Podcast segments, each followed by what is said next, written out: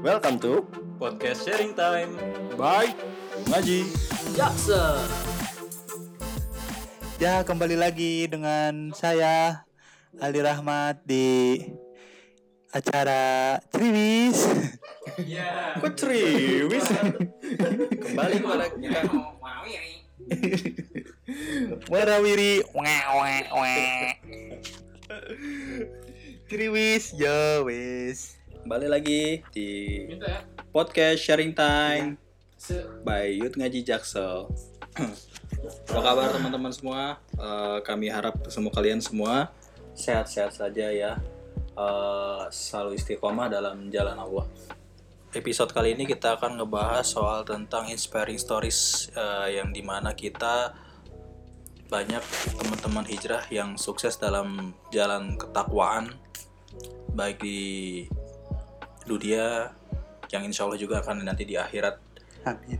amin jadi Mas Ali ceritanya tuh kayak gimana sih yang inspiring storiesnya dari teman-teman kita Ya, aneh sih lebih ke apa ya? Lebih ke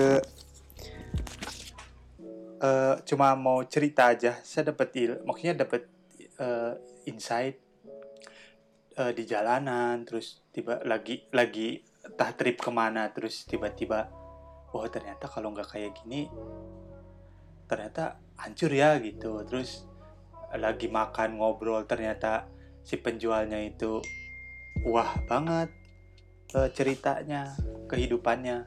Wah, ya muat muat buat menurut gue sih wahnya itu bukan wah dari segi ini ya bukan dari segi dunia gitu. Bukan dari dia duitnya banyak terus dia rumahnya banyak dia tanahnya banyak apanya banyak.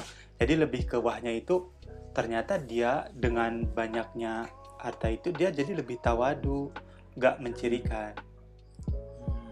Ini saya berawal dari ini nih ini kemarin ini yang berasa banget pas lagi ke Bogor. Ya gimana tuh itu ceritanya lagi ke Bogor. Jadi aneh itu pesan Gojek Hmm, mau dari balik. mana? Itu dari Bogor daerah Parikesit sih. Ke? Dari Parikesit mau ke stasiun Bogor. PGRI lah kalau teman-teman tahu daerah Bogor sih area PGRI pasti insya Allah tahu. Oh, Nah dari PGRI itu aneh naik Gojek. Nah eh, naik Gojek ke stasiun Bogor. ya. A- Alhamdulillahnya yang dapat itu ya maksudnya ada orang namanya saya lupa lagi. Abang-abang gojek ya Abang ya abang Gojeknya sebut itu. aja bang gojek Ya abang Gojeknya itu dia tuh ternyata bukan asli orang situ. Hmm, Asli situ tapi dia nyari pen- mata pen- mata pencahariannya tuh bukan di situ dia di Jakarta. Nah dia itu lagi ke Bogor lagi jenguk ibunya, lagi jenguk ibunya sama ya bareng sama istrinya ke situ. Saya sih ya maaf maaf ya ini mungkin karena lihat eh, lihat face ya lihat muka tuh ya kesempurnaannya Allah kan ya kita nggak tahu. Allah itu yang punya maksudnya yang tahu. Tapi kalau secara kasat mata seorang manusia itu ya yang namanya sempurna itu ya eh, matanya ya terlihat benar. Terus Ah, eh, secara zohir aja secara gitu ya. zohir gitulah. Tapi kan kesempurnaannya Allah kan ya nggak tahu. Tapi ya nah dari situ aneh ngelihat oh gitu ini masnya gitu. Ya udah aneh jalan. Terus di jalan itu saya aneh tuh kayak nggak ada nggak ada tertariknya untuk ngobrol sama dia tapi dia tuh ngajak ngobrol. Hmm. ngajak ngobrol mau ke mana ke mana tuh saya bales. Lama-lama kelamaan jadi ya udahlah ajak ngobrol aja. Ngajak ngobrol terus pas aneh tanya masnya tinggal di mana? Dia bilang katanya tinggal di daerah Jakarta Selatan. Oh, deket rumah Ogut dong tuh nah itu dia. Dari Jakarta Selatan dia lagi jenguk ibunya oh. terus eh, aneh nanya lagi di perjalanan itu ngobrol udah nikah belum alhamdulillah udah nikah dia bilang gitu Oh, iya. alhamdulillah Masya tapi Allah. belum dikarunia anak dia bilang kayak gitu saya bilang Hmm. oh pernikahannya udah berapa lama dua tahun oh masih baru ya nggak Hmm. lama-lama banget saya bilang gitu Hmm. "Eh, iya ya nggak apa-apa maksudnya lebih bersabar aja di Al-Quran juga kan eh, disebutin Nabi Zakaria sama istrinya kan itu udah sepuh banget aneh bilang ke dia udah sepuh mau udah kakek-kakek nenek-nenek Oh, tapi kan berharap sama Allah kan ya? Iya. orang seorang muslim itu gak jangan sampai putus asa. Jangan sampai putus asa terhadap rahmat Allah. Ada tuh ngomong ke dia kayak gitu ya terus di akhir akhirnya terus dia ngomong e, masnya udah nikah belum? Saya saya belum. Oh belum? Iya saya belum. Oh gitu ya udah. Jadi di situ tuh saling mendoakan. Ya ketawa Aneh- di sini. ya ketawa di sini belum nikah semua. Aneh aneh mendoakan biar beliau itu punya anak anak yang soleh soleha Amin. jadi pejuang dakwah. Amin. terus dia mendoakan saya biar dikasih ini dikasih apa namanya dikasih jodoh. Alhamdulillah saya aminkan kenapa? Itu kan doa. Doa eh, kekuatannya seorang muslim itu adalah doa. Oh, ya. mau seperti apa pun doa itu kuat ya insya Allah lah pasti. Nah dari situ eh, dia ngobrol-ngobrol-ngobrol ternyata dia itu pengen nikah dari umur 18 tahun Oh. dari umur 18 tahun tuh dia pengen pengen nikah itu lulus berdoa. SMA ya? iya lulus SMA aneh bilang sama dia hah lulus SMA 18 kayaknya aneh masih di pikiran aneh tuh masih kayak main deh Iya. masih belum Masih tukang ngedrak ya. iya iya gitu yang Drag race. oh iya drag race Kaget. Bukan obat, bukan oh, obat. iya, iya, iya, iya. Drag race, kebut-kebutan. Astagfirullahaladzim, ya Allah. Iya sih, Terus bahasanya apa sih kalau kebut-kebutan? Bahasanya Nah, apa coba? dari situ dia tuh cerita sama aneh eh, dia itu pengen nikah umur 18 tapi ya dia berdoa ya berdoa berdoa, berdoa ya selama berdoa tetap aja belum ada jodohnya yang nyangkut Heeh. selama dia doa nyampe ke eh, umur 23 ya 23 berarti kalau 18 ke 23 itu lima tahunan ya? 18 23 setengah tujuh. yang nggak setengah jam nggak nih maksudnya umur 18 tahun ke umur 23 itu selisihnya tuh lima tahun ya? Iya, lima tahun. nah lima tahun. Dia itu berdoa ya itu selama berdoa itu tuh lima tahun. Allah ijabah di umur 23 dia nikah. Terus nikahnya itu lucu. Eh, kalau menurut gue tuh ya wah yang namanya jodoh tuh udah kayak gembok ketemu kunci gitu loh. Nggak kayak nggak Oh. dipersulit nggak kayak di apa. Dia cerita tuh kayak gini. Dia ketemunya itu di pengajian di daerah di Istiqlal. Dia lagi ngaji nah si ahwatnya pun lagi ngaji. Si perempuannya lagi ngaji. Maksudnya ngaji tablik akbar ya. Iya, datang Nah, kajian terus bareng-bareng. kajian. Nah terus dia itu datang mungkin dia ngelirik si- ke si perempuan itu. Mm-mm. si abang gojek ngelirik eh, ada rasa tertarikan ya namanya laki-laki lah. Iya. coba eh, lihat apa aja tuh pengen dilihat gitu. Lihat Iya, lihat tahu yang bening-bening tuh pengen dilihat. Eh, lihat gelas saya ya. nggak nggak nggak air putih juga nggak air putih nah dia tuh jadi ngelihat terus si ahwatnya itu mungkin ada rasa ketertarikan juga nah Ada getaran cinta gitu ya. iya mu- iya ada, kayak genset lah gitu genset getaran Genset. Genset. Genset kan gede. Itu lo beget terbuka ya. Bukan getaran. oh iya iya aduh jokesnya aduh aduh salah ya udahlah gitu pokoknya nah itu di situ si ahwatnya itu tiba-tiba member- memberanikan diri ngasih nomor telepon kalau eh, kalau masnya serius sama saya Heeh. ini nomor telepon saya datang ke rumah saya seperti itu Hmm. akhirnya datanglah maksudnya di di telepon Mm-mm. terus eh, ternyata benar nomornya datang dia ke rumahnya ternyata itu rumahnya itu Gentleman banget. eh, rumahnya itu ternyata bukan di si aw- si ah, perempuannya itu bukan asli Jakarta. Dia asli Jawa Timur. Dia Wow. harus ke Jawa Timur untuk bertemu sama keluarganya. Dan si perempuannya itu dia tuh ternyata kerja di lembaga yayasan amal Oh. eh, yayasan sosial. Yayasan sosial eh, duafa. Duafa anak yatim dan duafa. Di situ ya udah proses yang lebih kagetnya lagi saya tuh dia cerita kayak gini Eh, saya itu dulu pas mau niat menikah itu saya nggak punya kerjaan Mm-mm. saya nggak punya kerjaan saya cuma sebagai penjual penjual tisu dan penjual kanebo tisu? Kanebo. iya aneh kan jadi mikir Itu kan kalau misalnya sehari dapat sehari enggak, sehari pun juga belum bisa laku kan? Nah itu dia. Makanya ya Allah ternyata eh, aneh sih lebih ke di jalan tuh. Kagum aja. Allah Akbar, Allah Akbar. Jadi lebih wah ini orang ternyata ilmu yakinnya bagus ini.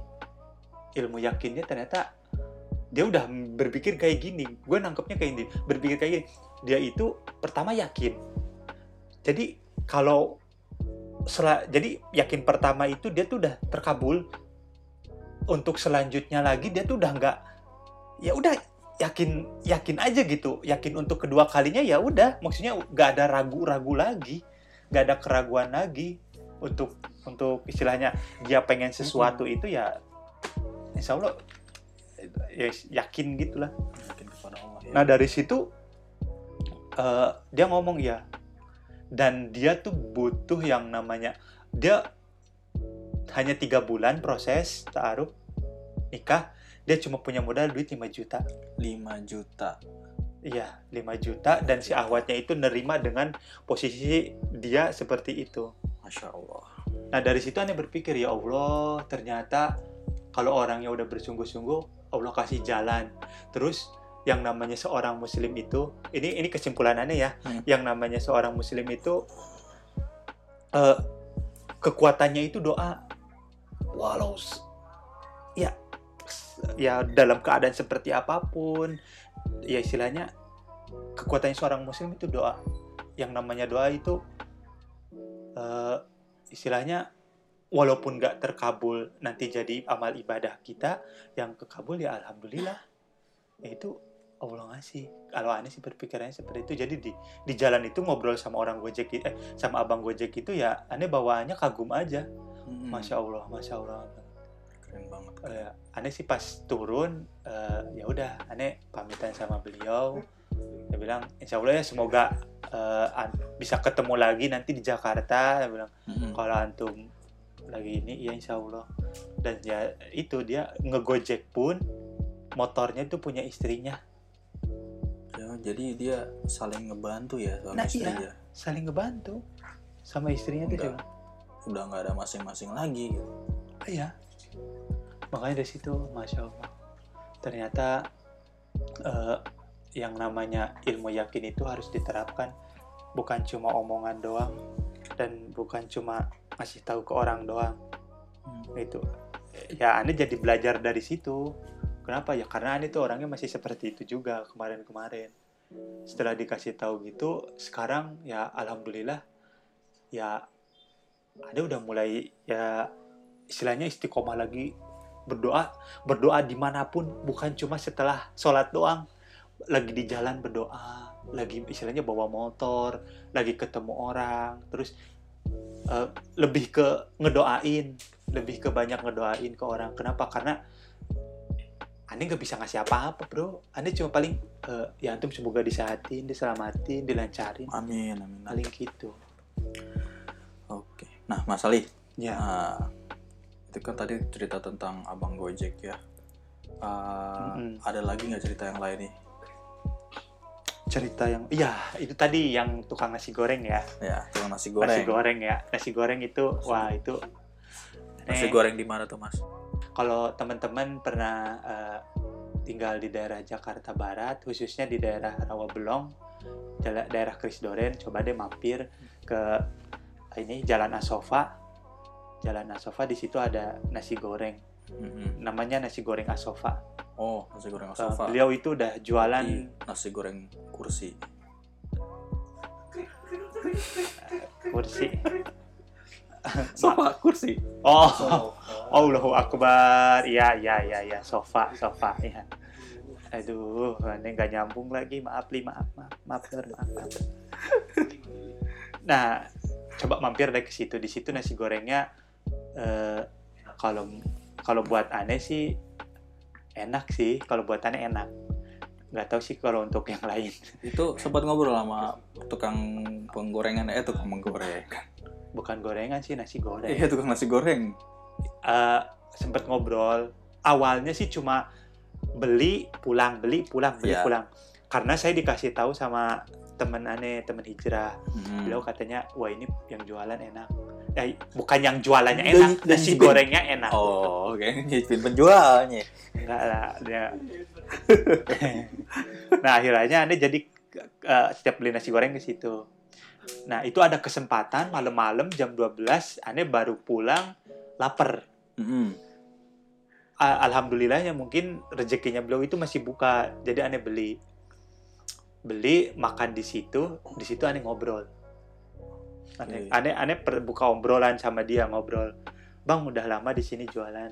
Oh iya, udah lama di sini udah hampir 10 tahun. Dia bilang, "Masya Allah, Nah, antum sendiri 10 tahun." berapa tahun di sini? Aneh di sini baru setahunan, Setahunan. setahun lebih lah. Hmm. setahun lebih 10 tahun bang iya masya allah udah lama ya iya dulunya eh, jualan nasi goreng juga enggak dulu dulunya guru tukang bangunan jadi tukang nasi goreng jualan nasi goreng. Wih keren. Bilang gitu ada pikiran untuk jualan ya bilang gitu. Heeh. ya dari obrolan itu sih pertamanya biasa aja biasa aja. Cuma obrolan biasa ngobrol. Terus eh, lama kelamaan dia ngomong kayak gini. Eh, saya di sini 10 tahun alhamdulillah eh, yang ngasih kontrakan itu awal gak narip Nggak di- gak ditarifin buat tempatnya. Dia bilang Oh. kalau mau jualan silahkan jualan aja. Kenapa? Karena tadinya kena gusuran dia. Heeh. tadinya jualan jualan tapi tempatnya itu kena gusur. Akhirnya eh, yang pelanggannya itu merasa iba mungkin. Iba ya udah eh, kamu jualan aja di tempat saya di garasi saya. Heeh. ngomong kan belum ada saya belum ada duitnya belum ada buat bayar bulanan dia sewa tempatnya udah jangan mikirin itu mendingan lu ini aja eh, lu jualan aja di situ. Nanti kalau udah ada duit baru ngobrol. Kayak gitu. Wih keren bilang gitu. Itu kan kalau buat aneh kalau buat aneh itu keren. Kenapa? Karena setiap ada kesulitan Allah kasih jalan. Di situ ya maksudnya ada jalannya gitulah. Nah, terus dari situ ngobrol lagi akhirnya. Eh, gitu ya bang, iya. Abang di sini kenapa nggak buka cabang? Saya bilang gitu. Nah, saya punya cabang mas. Masya Allah, gua bilang gitu. Punya cabang. Iya, punya cabang. Di mana aja? Di Cililitan, terus di daerah Ciledug, Cililitan, Ciledug, terus di Palm eh di apa tuh di Selipi satu, sama satunya lagi tuh di apa mana ya lupa lagi. Nah ada Ada empat, ada Iya. empat. Saya bilang, dah abang udah punya cabang ngapain masih jualan? Bilang gitu mendingan Iya, iya. udah jualan di rumah maksudnya mendingan udah di rumah aja tinggal nerima setoran enggak mas saya bilang gitu "Eh, ikhtiar saya ini Oh iya, kalau mental pengusaha mah begitu. iya oke ikhtiarnya ini saya jualan wah keren dia bilang gitu terus dari situ lebih lebih ke ini lebih ke apa namanya? Ada jadi penasaran lah kok ini orang istilahnya eh, udah punya cabang tapi masih tetap jualan kok maruk gitu. Terus iya. Jadi akhirnya aneh nanya lagi kayak gimana. Nah, terus udah kayak gitu aneh nanya ke si abangnya bang kenapa sih setiap tiap bulan puasa sebulan lu nggak abang nggak jualan? Kenapa ya aneh pengen ibadah aja dia bilang gitu. Hah, orang kan harusnya itu eh, nyari kesempatan ya. Maksudnya ada kesempatan bulan puasa ya dia pengen jualan. Iya, karena orang puasa kan lapar mata ya enggak iya lapar mata. nah. Apa aja pengen dibeli tapi makannya dikit gitu. Nah itu dia, jadi malah mubazir. Astagfirullahaladzim, jangan, jangan, jangan, jangan. Nah, habis dari itu, Anda tuh penasaran, Bang, kenapa eh, nggak jualan? Bilang Mm-mm. gitu, sebulan itu, eh, Anda pengen full ibadah. Pengen ibadah, ibadahnya nggak keganggu lah pokoknya. Secara total ibadah di bulan Ramadan. Kok nggak mau memikirkan ibadah? Nah, di situ tuh jadi tambah penasaran, aneh. Kenapa dia memilih ibadah? Kenapa dia memilih ibadah? Orang-orang lain itu memilihnya jualan. Jadi aneh nanya lagi, Bang, sebelum jualan apa sih profesinya? Aneh tanya kayak gitu. Aneh tuh dulu dia cerita. Aneh dulunya tuh sebagai seorang guru di daerah Pemalang, Guru, guru Guru guru honorer ya? TPA, TPA. TPA honorer. Dia guru TPA, dia ya pokoknya jadi guru ngajar. Ya tahu sendiri lah guru TPA honor honorer lagi. Di kampung berapa sih penghasilannya? Dia bilang kayak gitu. Paling nggak ada lima ratus ribu. Iya enggak enggak nyampe segitu bro. Hmm, paling puluh-puluhan ribu lah. Dia bilang kayak gitu akhirnya dia saya nggak bisa kayak gini terus bukannya ini. Saya pengen ke Jakarta. Mungkin di Jakarta bisa. Ya mungkin kehidupannya lebih baik. Dia mikir Hmm, kayak gitu. kira gitu. Nah sebelum dia ke Jakarta ternyata dia tuh punya anak asuh anak asuh anak yatim berarti anak yatim anak yatim dia dia punya anak yatim katanya satu. Mm-mm. akhirnya ya ya udah dia ke Jakarta aja anak yatimnya ya ya di sana di kampung. Dia ke Jakarta dia, jadi dia kuli. itu udah nikah atau belum? Posisinya belum nikah dia. Oh Dia saat itu belum- punya anak masih- yatim iya. itu belum menikah berarti nikah. dia anak yatimnya tinggal sama orang tuanya mungkin ya? Iya. Nah dari situ dia ke Jakarta jadi kuli bangunan pertamanya di. Priuk kuli bangunan terus kerjaannya selesai pindahlah ke daerah ini Kris Doren. Di. Kris Doren pun dia jadi kuli bangunan. Tapi dia berpikir di situ kalau seandainya aneh ikut terus kuli bangunan terus kalau proyek selesai kerjaannya udah selesai iya. Aneh balik lagi. Akhirnya dia tuh bikin gerobak. Gerobak nasi goreng nah gue bikin gerobak nasi goreng dia jualan. Dia jualan. Mulai jualan atau mulai ya? jualan lah dia. Yang aneh ceritain tadi eh, dia itu jualan jualan jualan. Ternyata dia digusur karena tempatnya itu mau dipakai. Eh ya tempatnya tuh mau dipakai bikin rumah atau apa gitu.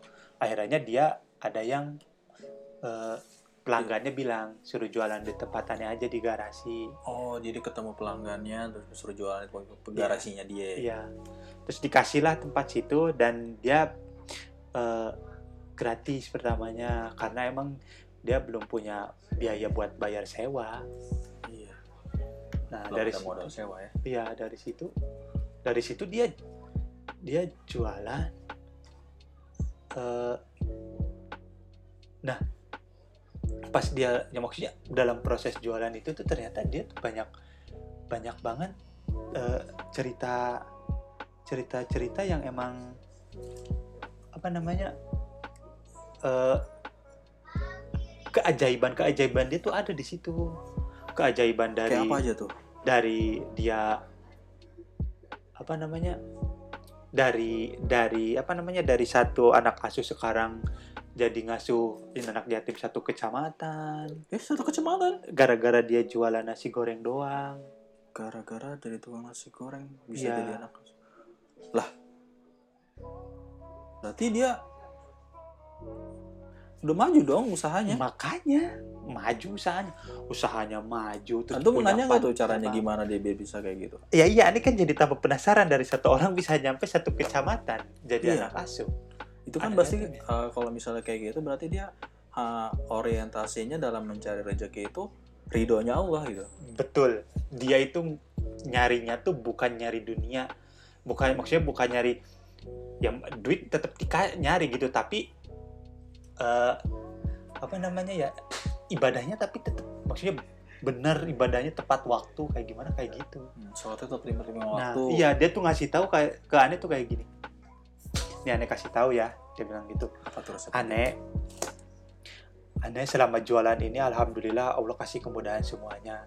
Yang dari tadinya eh, cuma ngasih, cuma ngasih sama yang ngaji di masjid di kampung, cuma punya duit 400 ribu itu dikasih semuanya itu dibeliin makanan buat istilahnya kalau di kampung tuh hataman hataman Quran Iya, hataman Iya, Quran. ah. besoknya tiba-tiba ada yang ngasih duit dia 20 juta.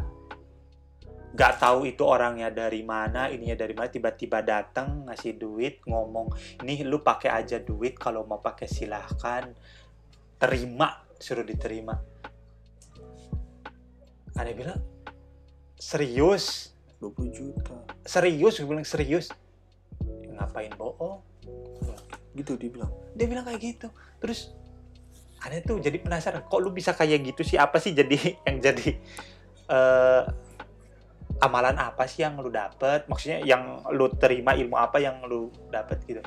Dia bilang dia bilang tuh pertama itu sholat sholatnya itu tepat waktu. Sholatnya itu tepat waktu. Sholatnya itu tepat waktu Jadi di- sebelum azan tuh kita udah ada di dalam masjid. nah itu dia. Oh. karena ya emang yang namanya azan kan panggilan. Masa antum mau manggil mau dipanggil katanya mau dipanggil tapi elunya masih leha-leha masih dalam Iya. keadaan apa-apa yang giliran telepon aja buru-buru diangkat. Masa panggilan Allah nggak buru-buru? nah itu dia nah terus sholat terus yang kedua itu dia tuh sedekah Sedekah. Iya, dia tuh bilang sedekah. Mau berapapun, jangan lihat nominal. Sedekah mah sedekah aja kepada siapa pun, lu kasih. Lu jangan ngelihat orangnya, lu jangan ngelihat apanya, jangan ngelihat nominalnya. Kalau lu mau ngasih, ngasih aja. Lu kasih aja. Masalah orangnya mau dipakai buat apa itu terserah dia. Kita yang penting, ya maksudnya niatnya sedekah. Hmm, niatnya dibuletin sedekah. Iya, Jadi kan kita biasa ketemu sama itu ya pengemis yang kadang-kadang maaf-maaf pengemis yang bohong-bohongan gitu. iya. Eh, dia ngaku-ngaku cacat padahal nggak cacat.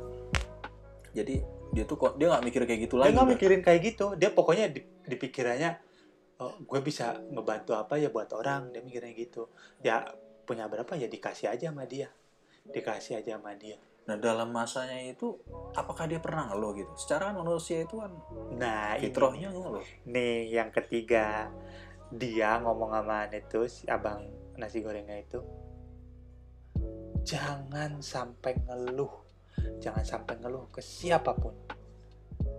Kenapa kalau ngeluh? Rahmat rahmat Allah itu nggak bakalan turun. Tadinya ya tadinya yang mau turun tapi karena lu ngeluh itu tuh nggak jadi balik lagi. Oh. ada di situ. Ya Allah sampai segitunya nih orang berpikirannya ke situ. Jelek ya? ya aneh kaget. Ya Allah. Ya gini dok. Mungkin di luaran di luaran yang eh, orang yang sering datang ke kajian ilmu itu udah banyak banget lah. Ya Hmm. ilmunya udah banyak banget pasti udah banyak. Hmm. aneh belajar dari dia tuh satu ilmunya sedikit tapi dia amalin. Amalinnya tuh buat dirinya sendiri. Dia amalin bener-bener dia amalin ternyata efeknya itu bukan buat dia sendiri buat orang buat keluarganya tuh Keluarga juga. keluarganya tuh ngerasain Sampai anak, sampai anak yatimnya satu kecamatan. anak yatim satu kecamatan keluarganya kakak eh, adik dia tuh anak pertama adiknya itu dia punya adik tiga tiga tiganya itu sekolahnya Hah? di Mesir semuanya Masya Allah, Mesir. Dia yang bayarin. iya itu dari jualan nasi goreng bro jadi gue tuh mikir kayak gini ya Allah. Apa sih yang bisa gue ambil dari dia tuh ternyata tawadunya. Dia tawadu dapat ilmu sedikit dia amalin. Dapat maksudnya dia dia dapat ilmu dia amalin dia amalin. Ada komplainan apa orang beli nasi goreng berapapun dia terima. Gak pernah. Ih gak gak ini apa namanya segini mah gak dapet gak digitu nama Oh, dia misalnya kalau kan arah nasi goreng ini rata-rata harga 13.000 ribu. Kalau Iya. orang datang dengan bawa duit 7.000 goceng, tetap dilayani sama tetap dia. dilayani nama dia Porsinya tapi dikurangin nggak? aneh nggak tahu itu tapi dia ngomongnya seperti itu kalau mengenai porsi atau gimana ya kalau kalau aneh sih lebih nangkepnya kayak gini dia ngomong seperti itu berarti ya porsinya nggak di nggak nggak di nggak dikurangin dengan tetap porsi seperti itu kenapa karena ya dia ya mikirnya buat sedekah Sedekah lagi nih. iya niatnya buat sedekah buat sedekah. Dia bilang tawadunya itu yang aneh dapat dari dia. Ilmu tawadu eh, ilmu yang sedikit dia bisa amalin. Terus sama eh ya itu ilmu ngeluh. Dia nggak pernah ngeluh. Nggak pernah ngeluh. nggak pernah ngeluh. Wow masya allah banget itu. Aneh an- aneh dengerin dia cerita kayak gitu sampai pertama kagum. Pertama kagum kedua tuh malah jadi aneh nangis. Kenapa? Karena aneh tuh belum kayak gitu. Kenapa ya aneh aneh udah istilahnya banyak eh, sering datang ke kajian ilmu ya ini Iya, buat introspeksi diri sendiri ya. Antum juga kerja di itu kan di yayasan Iya. Banyak Kadang- Ustadz. Iya, kadang aneh tuh jadi ya Allah kok aneh masih masih belum belum maksimal ibadahnya masih nggak benar masih belang betong mau ke gimana. Ada tuh jadi ya Allah ternyata dapat ilmu tuh langsung diamalin. Jangan sampai dipendam. Kalau bisa ya disampaikan lagi. Jadi aneh tuh nangkepnya kayak gini Dor. Gimana? Eh, ikhtiar mah terus jalanin. Ikhtiar terus jalanin. Tapi cara mem- memoles ikhtiarnya itu cara memoles ikhtiarnya ya dengan kita sedekah ke orang. Terus dengan kita ya sholat tepat waktu dengan kita banyak zikir dengan kita terus ingat sama Allah dalam keadaan apa pun. Ya biar ngedatengin ridhonya Allah. Kayak gitu. Nggak nggak bakalan istilahnya ih kita ikhtiar berat pasti ngedatangin duit yang lebih banyak kalau menurut aneh Hmm. nggak kayak gitu karena aneh ngelihat dia aja kayak gitu ternyata Iya. ikhtiarnya cuma segitu tapi ngemolesnya dengan dia punya anak yatim terus dia sedekah ke orang Ngeluh. Iya nggak pernah ngeluh ibadah selalu Ibadah. ditamain. iya ditamain Allah kasih ke lapangan Masya Allah. Nah, kayak gitu jadi aneh nangkapnya kayak gitu Lagi-lagi ya uh, teman-teman kita kalau udah hijrah itu niatnya emang harus dilurusin. Lurus, lurus banget. Kalau belok lurusin lagi. Kita yang kejar-kejar itu hanya ridha Allah, ridha Allah lagi-lagi ridha Allah, ridha Allah. Oke, uh, cukup sekian podcast kita di episode kali ini. Kalau misalnya teman-teman ada pertanyaan uh, atau saran, bisa dikirim di IG kita @yungajijaksel atau email di injaksel@gmail.com. Sekian dari kami. Wassalamualaikum warahmatullahi wabarakatuh. Waalaikumsalam